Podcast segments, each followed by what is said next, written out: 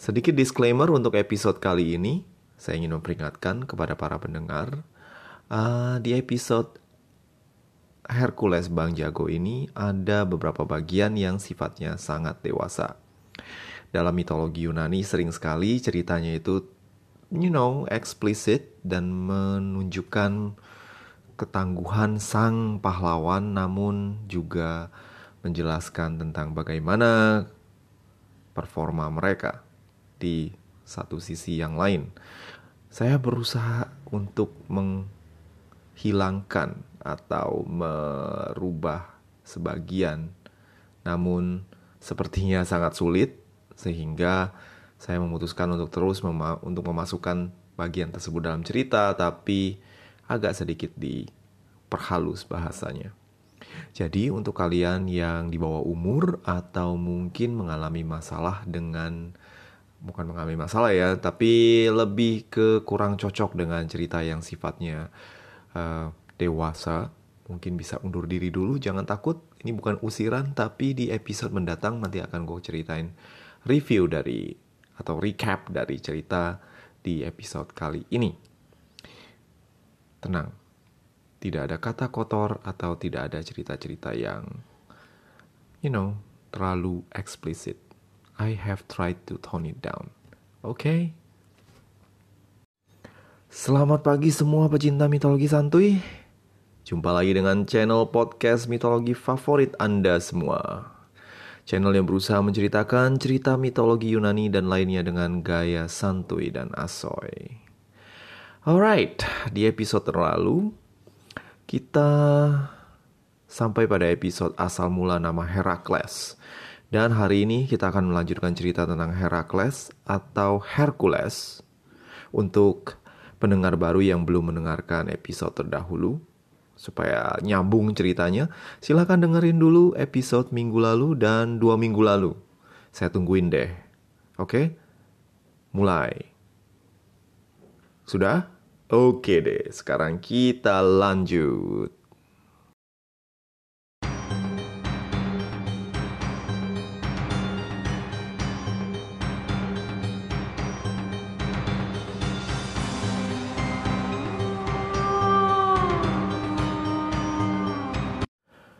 Minggu lalu cerita kita akhiri saat Amphitryon memberikan nama Herakles kepada Alkides sesuai dengan saran sang dukun Tiresias. Nama Herakles ini diharapkan bisa memadamkan amarah Hera yang selalu kesel tiap melihat Alkides, apalagi setelah Athena berhasil memperdayai sang ratu surga ini sampai dia menyusui anak yang dibencinya setengah alam maut itu. Herakles atau Hercules tumbuh besar bersama saudara serahimnya, Iphicles. Oke, okay, uh, eh, mulai sekarang saya akan memanggil Herakles dengan panggilan Hercules. Kenapa? Karena lebih gampang disebutkan Hercules daripada Herakles. Gue takut ke seleo lidah. Lebih gampang ngomongnya Hercules. Dan Hercules lebih terkenal di santero dunia daripada nama Herakles. Kalau kata gue sih. So, let's get back to the story. Keduanya, yaitu Herakles, eh baru bilang mau bilang Hercules. Keduanya yaitu Hercules dan Iphicles dibesarkan tanpa pilih kasih oleh Amphitryon dan Alcmene yang berlaku adil kepada Hercules walaupun Amphitryon tahu bahwa Hercules bukanlah anaknya, melainkan anak titipan Zeus. Sang bayi yang dulu membunuh kedua ular raksasa kiriman Hera tersebut sekarang telah tumbuh menjadi bocah yang penuh dengan stamina. Hercules dan Iphicles menerima pendidikan kelas premium khas kaum meningrat waktu itu. Keduanya dilatih olahraga seperti lari, atletik, gulat, lempar lembing, panahan, berantem pakai pedang, sampai main gundu. Keduanya menerima pendidikan yang sama. Namun Hercules yang memiliki darah Zeus dan juga pernah mencicipi air susu Hera, tentu jauh lebih unggul secara fisik daripada Iphicles. Hercules selalu lebih unggul daripada adiknya yaitu Iphicles yang hanya manusia biasa. Bakat dari Hercules yang luar biasa membuatnya bahkan lebih unggul dari seluruh anak di kampung Thebes indah yang usianya lebih dari dirinya. Dari lomba dari antar RT dan RW, Hercules selalu menang dan tak pernah kalah sekalipun. Sikapnya yang sportif bikin banyak anak-anak kampung suka bermain bersamanya. Bakat Hercules juga kemudian menarik minat Eurytus, Raja Okalia yang juga merupakan merupakan pemanah terhebat seantero Yunani.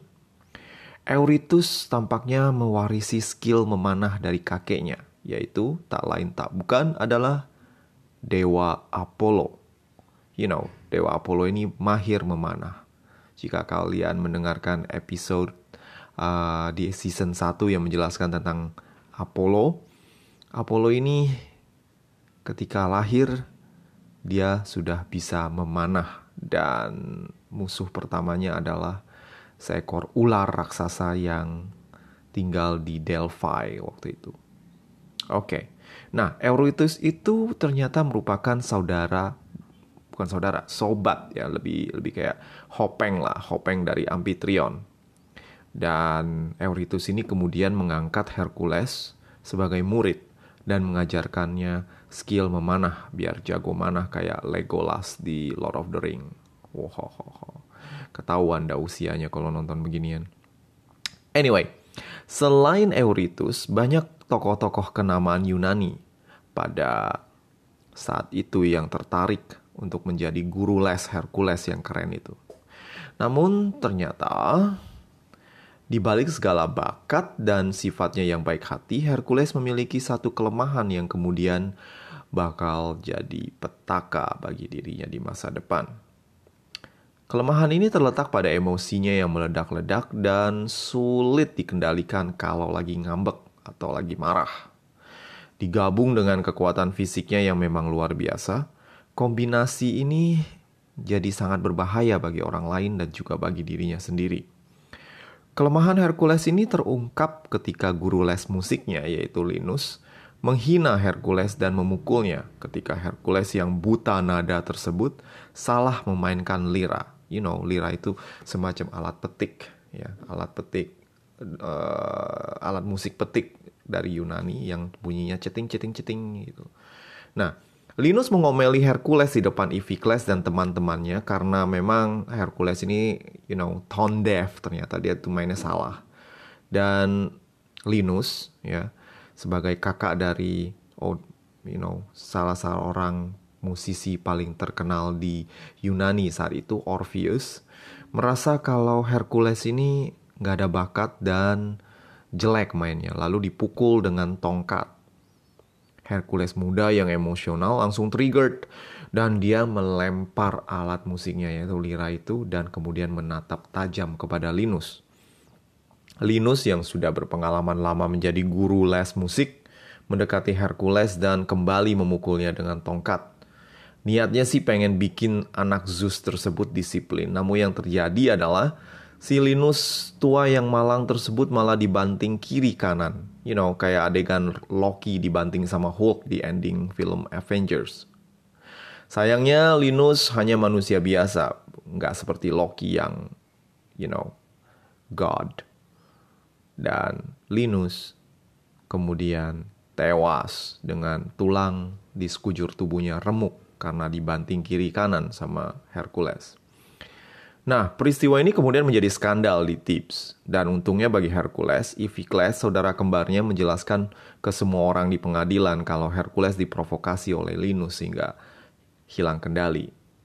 Karena pengaruh dan kekuasaan Amphitryon, kasus pembunuhan Linus pun kemudian dilupakan oleh publik. Namun bagi keluarga Amphitryon, Hercules yang ketahuan punya emosi tak stabil dan buta nada tersebut kemudian diberi pelajaran lain yang mungkin lebih sesuai bagi dirinya. You see, ada satu, you know, uh, nggak cuma Hercules yang memiliki saudara serahim. Um, manusia biasa, sementara dia adalah demigod. Ada uh, pasangan kembar lain, yaitu Castor dan Pollux, yang kemudian menjadi uh, simbol dari rasi bintang Gemini, ya. Nah, Castor, yaitu saudara kembar dari Pollux, yang abadi, uh, bukan abadi sih, demigod juga, ini memahami karakter Hercules karena mereka sama-sama demigod dalam satu rahim dengan manusia biasa. So, Castor kemudian menawarkan untuk mengajarkan Hercules kemampuan uh, seni bela diri dan juga penguasaan senjata. Castor ini yakin kalau Hercules ini memiliki kemampuan dalam uh, hal fisik dan daripada mengajarnya, you know, memaksanya belajar musik atau hitung-hitungan matematika, lebih baik ngajarin dia berantem, ya kan? So, you know, lagian anak ini memang ditakdirkan untuk menjadi penyelamat dunia. Lagian emang bisa nyelamatin dunia dengan main lira atau ngitungin luas dan keliling segitiga. Begitu pikir Castor. Well, Castor nggak ada salahnya. Hesko, um, Hercules kemudian berkembang dalam didikannya dan emosinya yang meledak-ledak tersalurkan dalam olahraga fisik dan bela diri yang dipelajarinya. Terbukti memang Hercules ini memiliki kekuatan fisik dan kemampuan bela diri yang luar biasa. Jangan salah, Hercules itu nggak bego atau dong-dong. Cuma, well ya kita bilang aja dia kayaknya lebih jago di otot daripada otak. Dan Hercules pun tumbuh menjadi seorang pria muda yang paling tangguh di seluruh dunia waktu itu. Bang Jago julukannya di kampung Tips Indah dan dirinya telah terkenal menjadi pemuda yang paling segalanya. Paling ganteng, paling cepet, paling kuat, paling maco, pokoknya paling gede dah. Para dewa yang masih relasi dengannya pun nggak segan-segan turun dari Olympus buat you know kongkong kongkow ringan bersama Hercules dan you know uh, saudara-saudara yang lain. Karena Zeus itu orangnya asik, banyak para dewa yang senang bergaul dengannya. Beberapa bahkan memberikan banyak hadiah loh.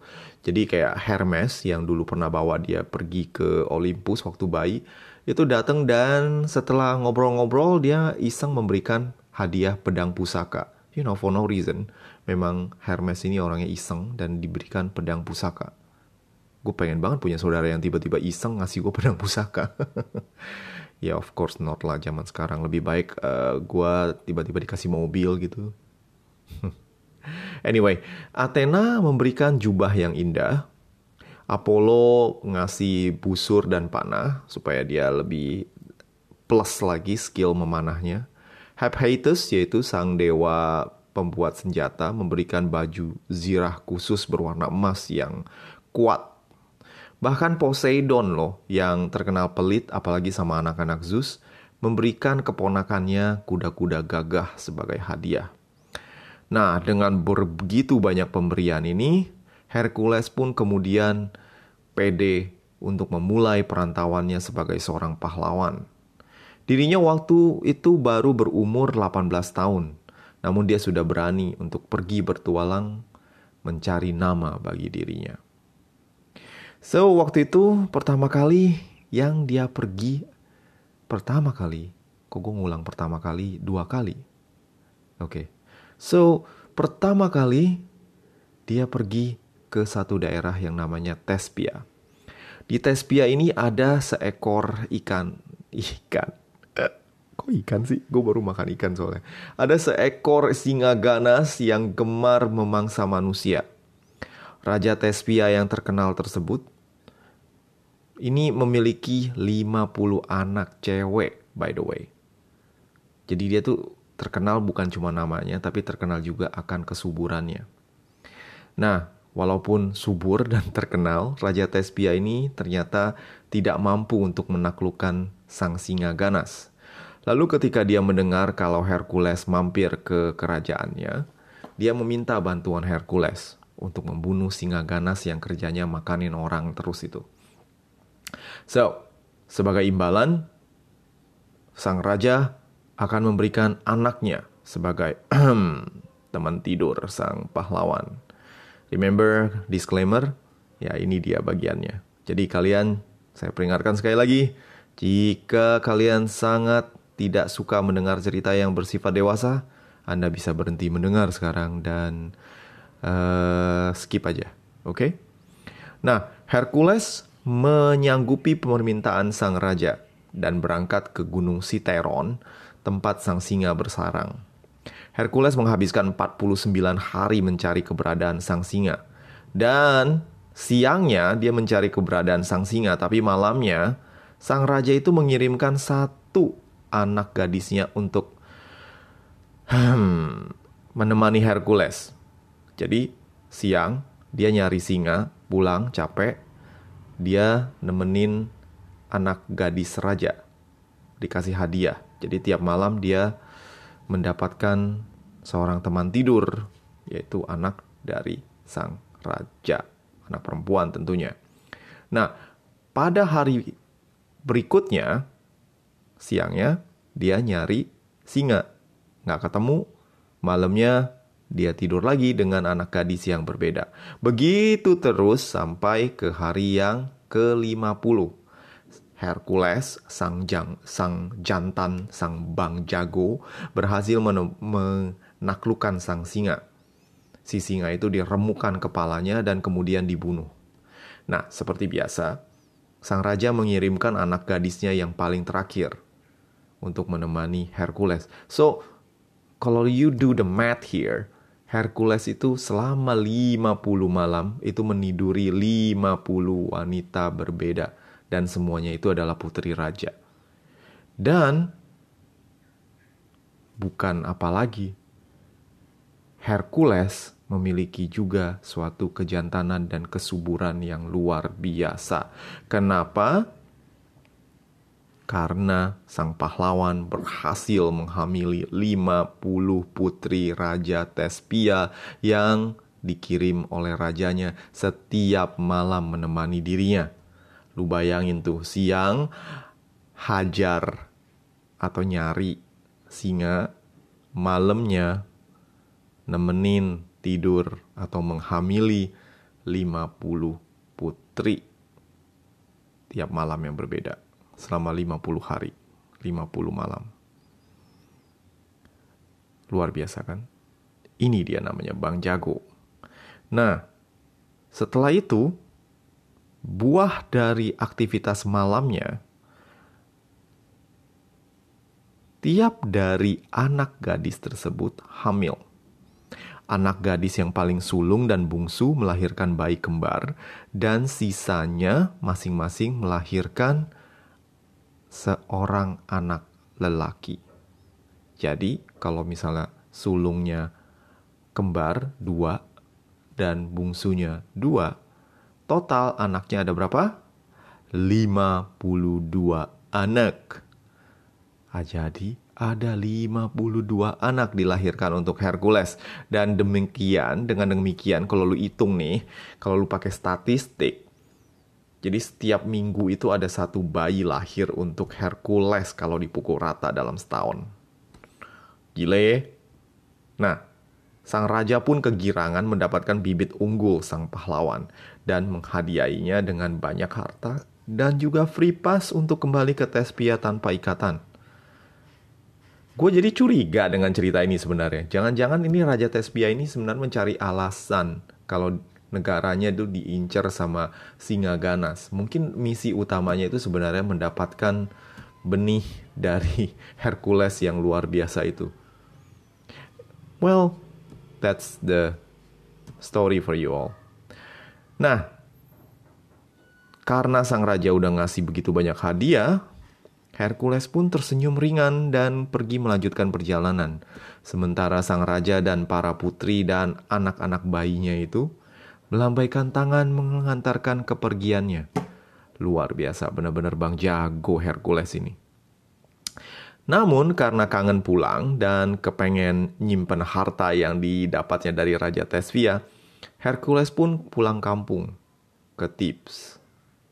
Sesampainya di Tips, dirinya tiba-tiba mendapati kalau situasi sedang genting. Tembok kota dipenuhi prajurit siaga dan para warga bersembunyi di rumah mereka masing-masing. Ada apa nih? Hercules yang bingung dengan kondisi Tips yang berbeda dengan kondisi ketika dia pergi, di mana segalanya itu aman, sentosa. Selidik-selidik, ternyata Tips dalam keadaan bahaya. Raja Erginos dari kerajaan Orchomenos yang berusaha memperluas kekuasaannya telah merapatkan barisan dan berbaris menuju Tips. Jeng jeng jeng. So, Raja Tips yang bernama Kreon meminta bantuan Hercules untuk turun tangan, membantu mempertahankan Tips dari serangan Herginos. Tentu saja naluri kepahlawanan dan kejantanan Bang Jago langsung menyetujui permintaan Raja Kreon. Lagi pula, Tips adalah kampung halaman Hercules. Jadi jika tidak membantu, tentu saja pasti dibilang nggak tahu diri. Segera Hercules berjalan menuju benteng kota Tips dan mengatur regu pertahanan. Dari kejauhan terlihat awan debu tebal yang menandakan pasukan dalam jumlah besar tengah berbaris menuju Tips. Hercules kemudian tersenyum. Tak ada rasa takut dalam dirinya. Adrenalin mengalir deras dalam dirinya.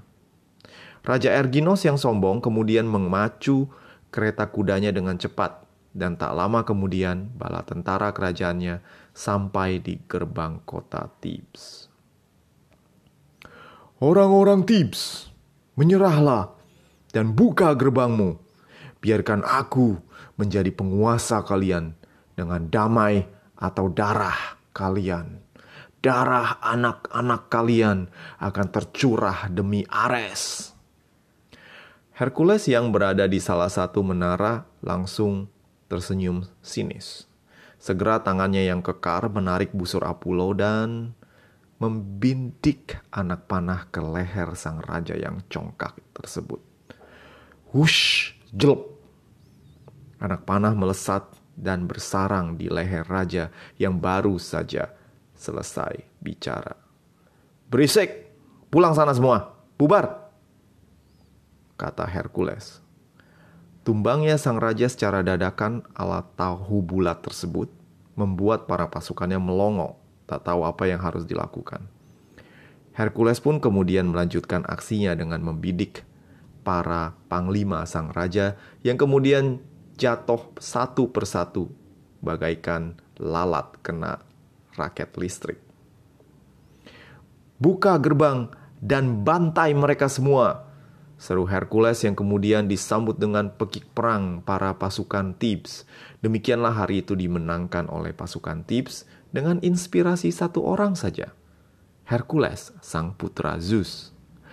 Pasukan Thebes memukul mundur pasukan Raja Erginos dengan tanpa perlawanan dan tak pernah lagi pasukan mereka bangkit untuk menyerang Thebes. Sorak-sorai kemenangan membahana di, pola, di pelusuk di pelosok kota Thebes dan seluruh penduduk mengeluh-ngeluhkan nama Hercules. Para gadis berharap bisa diajak kencan oleh Hercules. Para orang tua berharap dirinya menjadi menantu. Dan para anak-anak ingin tumbuh besar menjadi Hercules. Bahkan ada selentingan rumor yang ingin mengganti raja mereka Kreon dengan Hercules. Dan tentu saja pahlawan kita Hercules langsung menampikkan isu tak sedap tersebut. Raja Kreon yang bijak memberikan putrinya, Megara, yang cantik jelita sebagai finalis dan juga dulu pernah menjadi finalis Miss Greece sebagai istri Hercules. Hercules yang jatuh cinta pada pandangan pertama tersebut menikahi Megara dan dari pernikahan mereka ingat Hercules ini super subur lahirlah dua anak laki-laki yang sehat. Sepertinya segalanya berjalan cukup baik buat Hercules. Terkenal, jadi menantu raja, kaya, dicintai rakyat, punya istri cantik, dan juga dua anak yang baik. Apakah ini akhir yang bahagia untuk Hercules? Oh, not so fast, Ferguso. Hidup sang pahlawan ini akan segera berubah di episode mendatang. Oke, para pendengar mitologi santuy, sampai di sini dulu episode dari Hercules sang Bang Jago. Di kemudian hari, kita akan lanjut lagi dengan episode yang tak kalah seru. Untuk hari ini, weekend, hari Sabtu. Stay safe ya everybody. Kasus corona semakin meningkat. Tapi kita selalu harus berpikir positif dan semoga di tahun 2021 ini solusi dari pandemi ini segera tiba dan segala sesuatu ini akan menjadi lebih baik. Tetap jaga protokol kesehatan dan kalau nggak penting-penting amat jangan jalan-jalan keluar dan berinteraksi dengan sesama yang berbahaya. Oke? Okay? See you all. Have a nice day. And see you again in the next episode. Bye.